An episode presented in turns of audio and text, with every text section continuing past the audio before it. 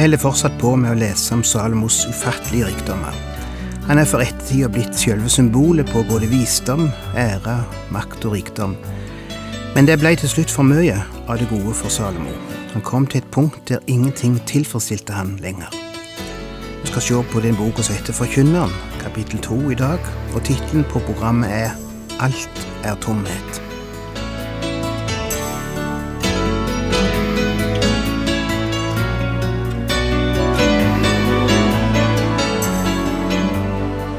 Hjertelig velkommen til et nytt program i serien Vindu mot livet. Vindu mot livet er basert på programserien Insight for Living ved Chuck Svindal. Programmet er produsert av Kristen Riksradio og blir ledet av Ola Joland.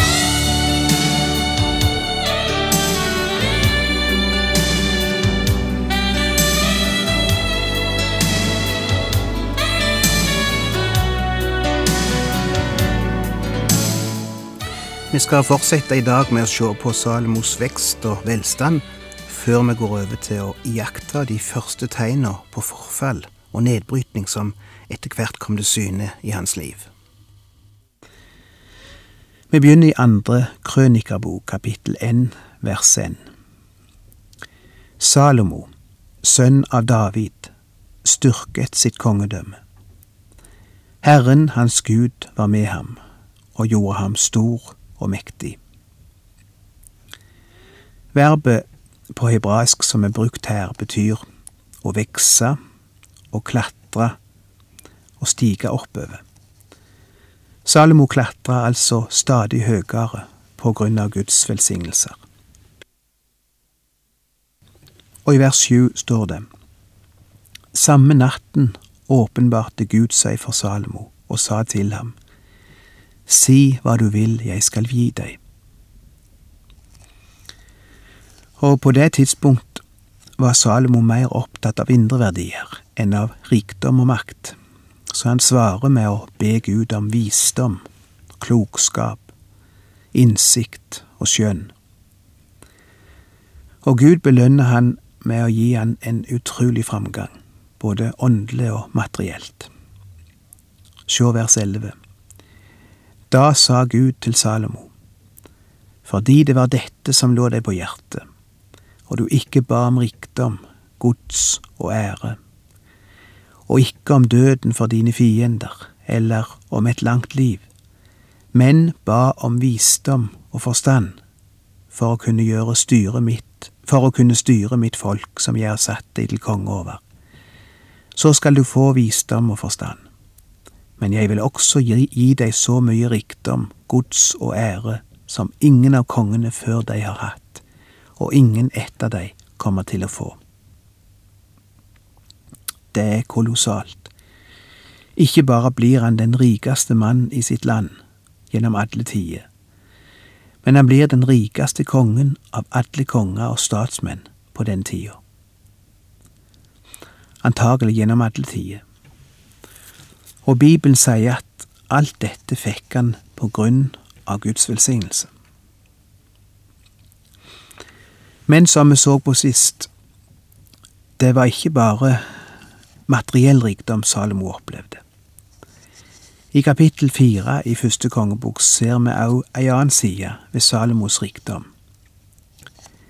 Gud ga Salomo visdom, stor innsikt og en forstand som favnet vidt liksom savn, sanden på havets strand.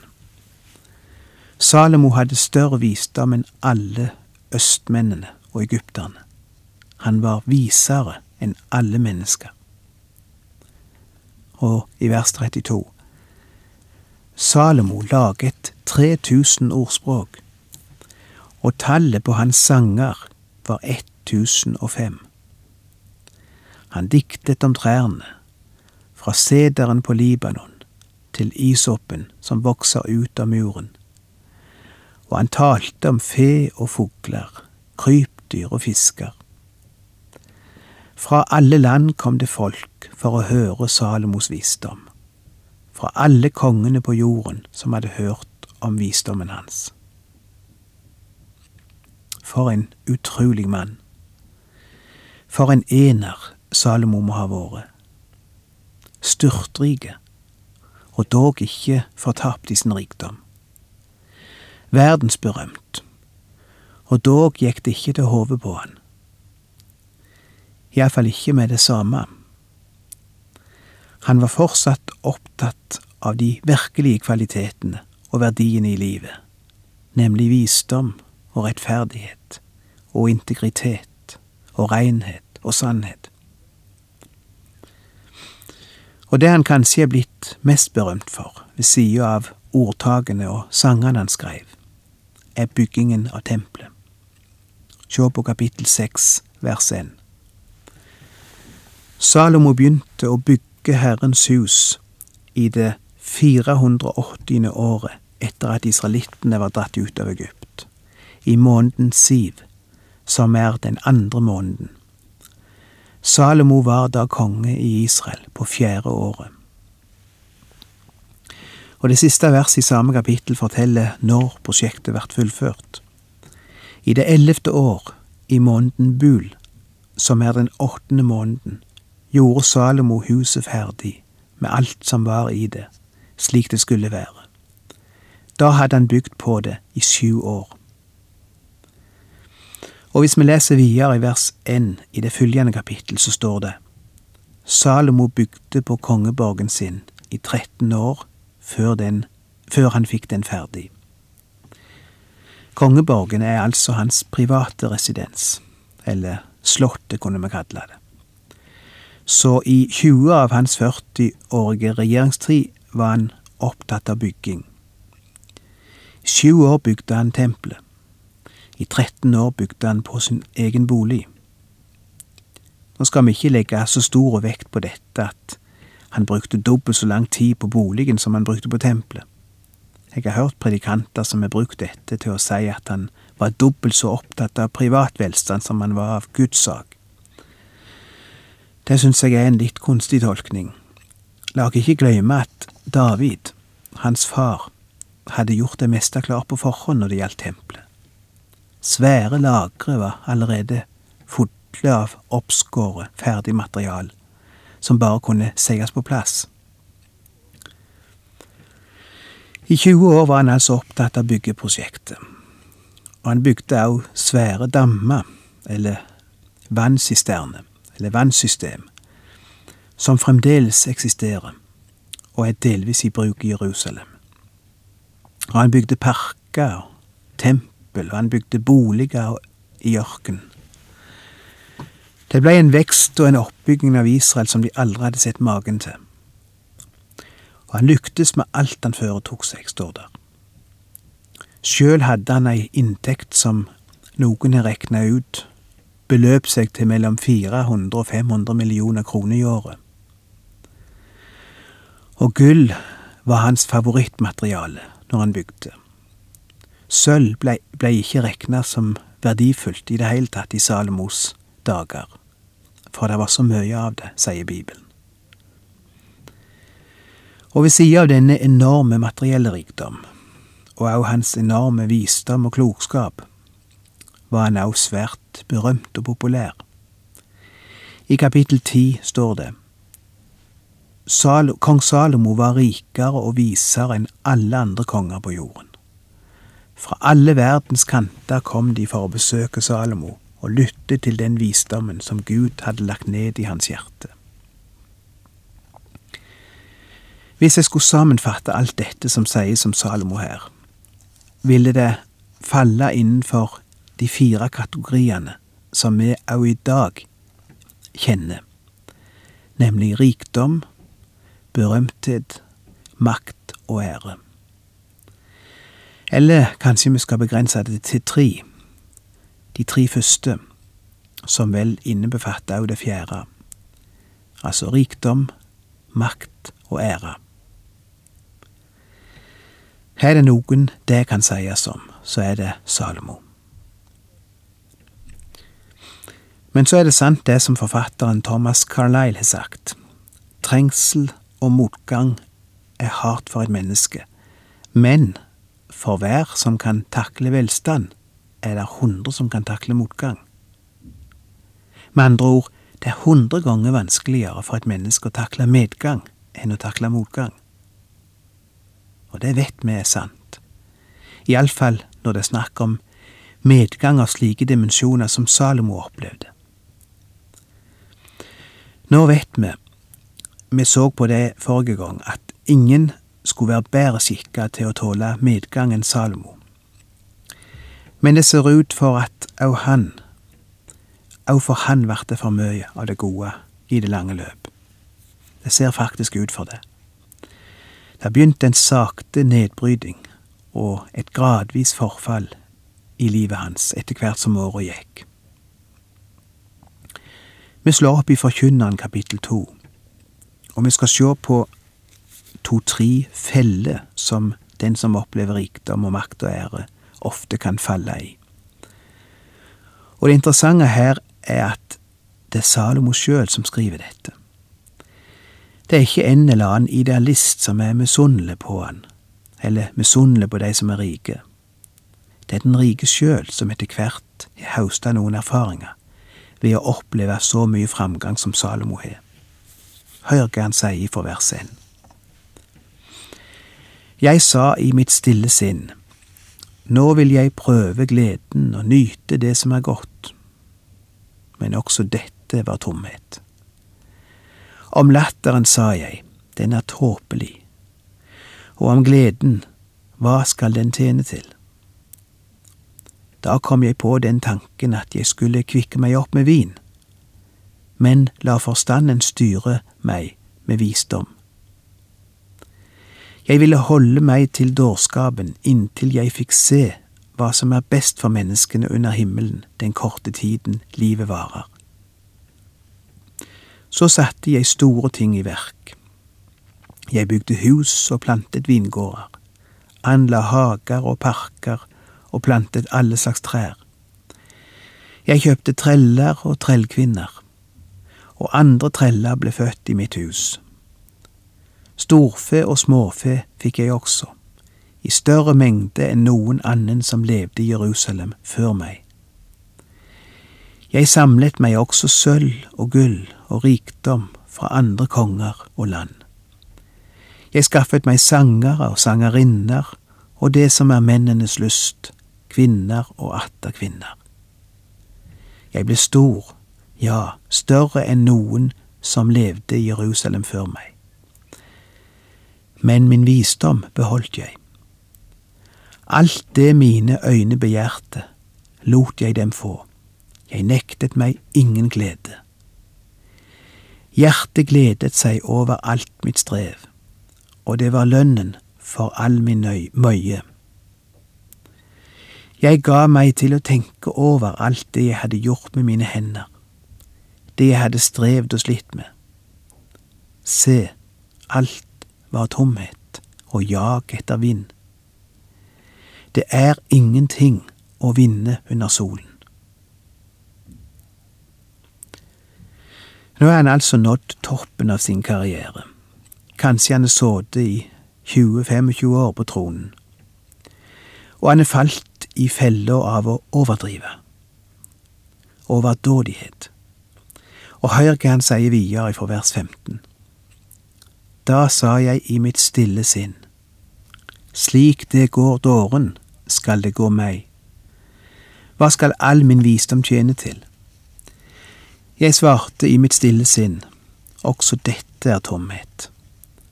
For minnet om den vise lever ikke lenger enn minnet om dåren. I dager som kommer, er alt for lenge siden glemt. Ja, den vise må dø han liksom dåren. Da ble jeg lei av livet, for jeg mislikte det som skjer under solen. Alt er tomhet og jag etter vind. Jeg ble lei av alt mitt strev, alt slitet jeg har hatt under solen. Og i vers ni til elleve sier han, ingenting tilfredsstiller meg lenger. Og i vers 16-19 sier han, ingenting stimulerer meg lenger. Jeg opplever ingen glede lenger. Jeg blir ikke fascinert lenger. Ingen motivasjon ved å stå opp om morgenen. Livet er blitt kjedelig. Og dette er den samme mannen som vi nettopp har lest om hadde alt, absolutt alt et menneske kan tenke seg. Men nå er livet blitt tomt. Der er liksom ikke mer å oppleve, ikke mer å oppnå, ikke mer å utforske. Han har oppnådd alt. Han kjeder seg. Hvis du kommer bak fasaden av enkelte rike og berømte mennesker som ikke kjenner Gud, så vil du kunne høre mange slike vitnesbyrd. Jeg får høre de rett som det. Store idrettsfolk, for eksempel. Når de største bokstavene er oppbrukt, og applausen er stilna, og pokalen er satt på plass, og folk er gått hjem, og lyset er slokt, så opplever mange akkurat dette. Hva er vitsen? Alt er tomhet. Som den berømte skuespilleren Ralph Barton, som festa en liten notis til hodeputa si rett før han tok sitt eget liv, og på lappen sto der Jeg er trett av å søke etter ting 24 timer i døgnet, for å fylle opp mitt tomme liv. Jeg har reist fra land til land, jeg har gått fra kone til kone. Jeg er trett av å fylle opp mitt liv med stadig nye ting. Jeg kjeder meg til døde. Og så tok han livet sitt. Og så kommer det tredje som ofte føler i kjølvannet av dette, fortvilelse. Hør på vers 20. Da ble jeg grepet av fortvilelse over alt det strevet jeg har hatt under solen. Og vers 22.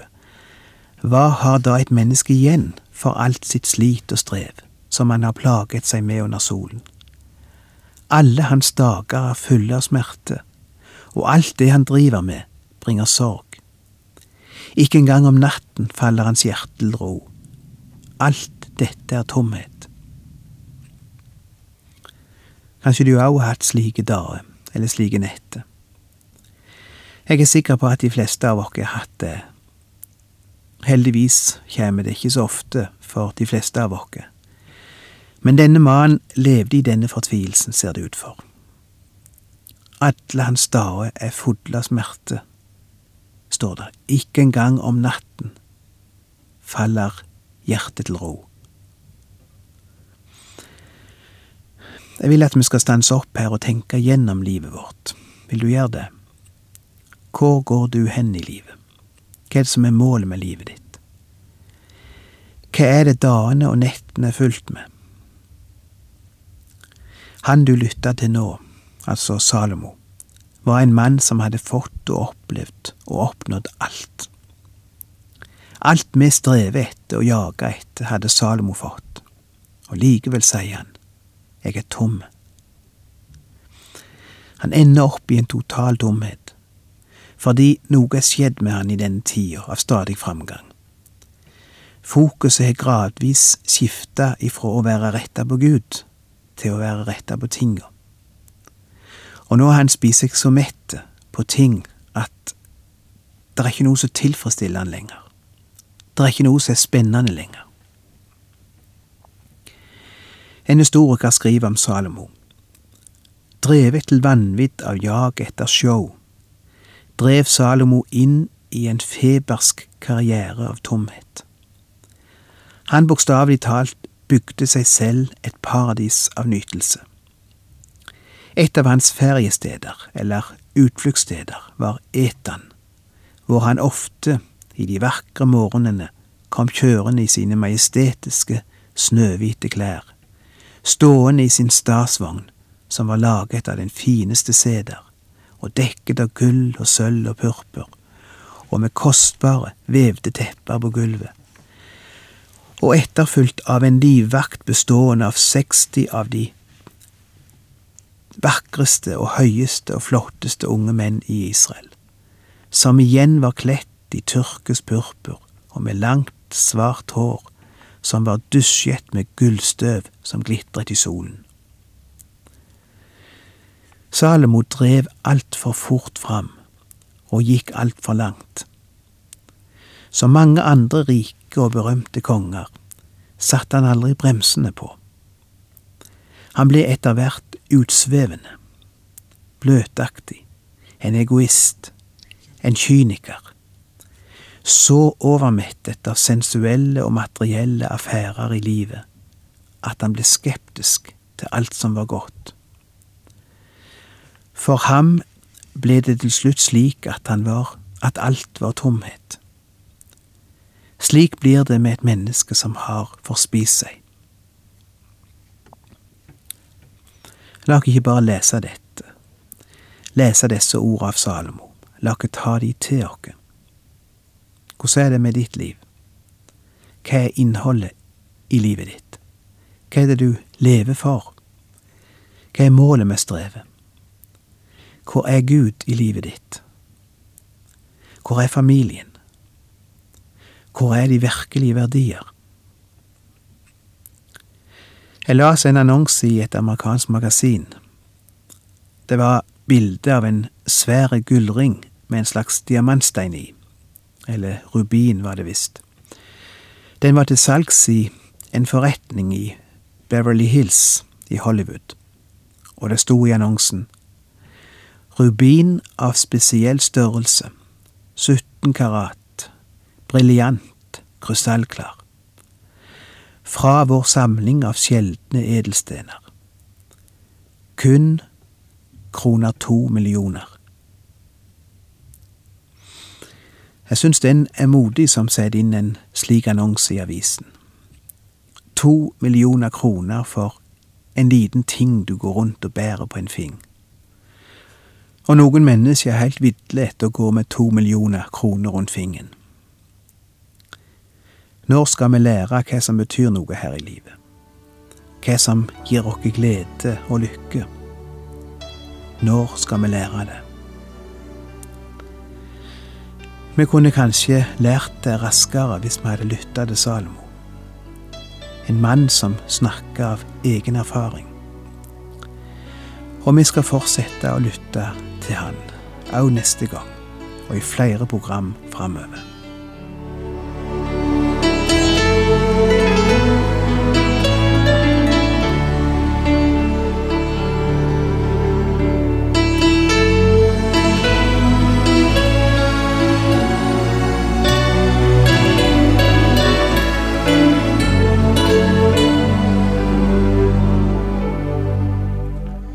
Du har lytta til Ola Bjoland i serien 'Vindu mot livet' fra Kristen Riksradios arkiv. Ola Bjoland var ansatt i Kristen Riksradio til han døde i 2002.